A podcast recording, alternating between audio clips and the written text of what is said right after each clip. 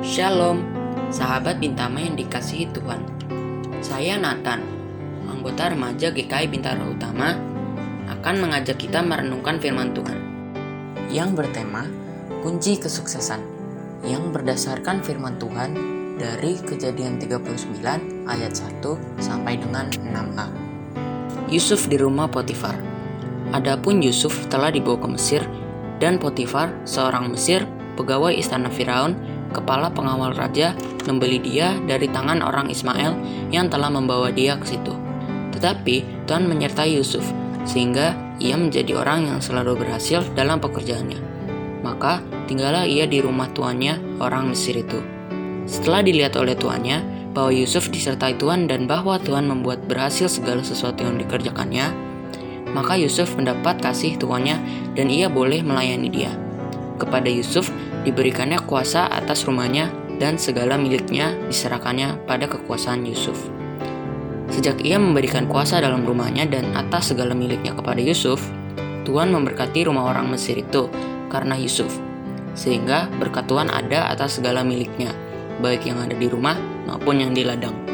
Segala miliknya diserahkan pada kekuasaan Yusuf, dan dengan bantuan Yusuf, ia tidak usah lagi mengatur apa-apapun selain dari makanannya sendiri.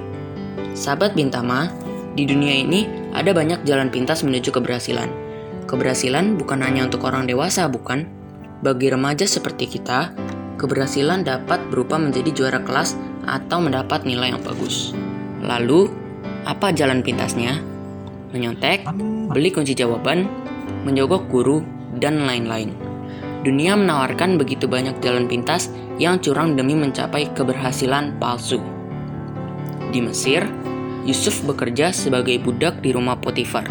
Dari kenyamanan hidup yang berlimpah, kasih, dan kemewahan, ia terperosok dalam kehidupan budak tanpa memiliki hak atas dirinya sendiri. Masa depan suram telah menanti, benarkah? Tidak.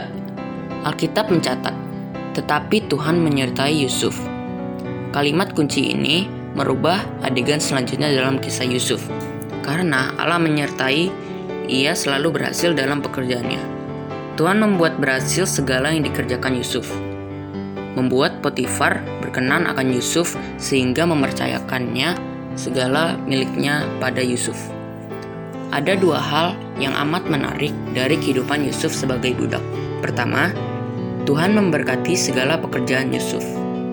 Kedua, Tuhan memberkati milik Potifar karena Yusuf. Dari dua hal ini, kita mendapat pesan penting. Kunci kesuksesan adalah berkat Tuhan. Yusuf berhasil bukan karena kehebatan dan ketekunannya, tetapi karena Tuhan membuatnya berhasil. Ketekunan memang penting. Kita bertanggung jawab untuk berusaha sebaik mungkin, tidak mudah menyerah. Tetapi, semua itu bukan penentu keberhasilan. Hidup kita sepenuhnya bergantung pada Tuhan. Tanpa berkat Tuhan, tak mungkin kita meraih sukses sejati. Dengan menyadari hal ini, maka kita tidak akan tergoda untuk menempuh jalan pintas yang curang dalam meraih sukses. Demikianlah renungan kita pada pagi hari ini. Kiranya Tuhan memberkati seluruh karya kita pada hari ini. Amin.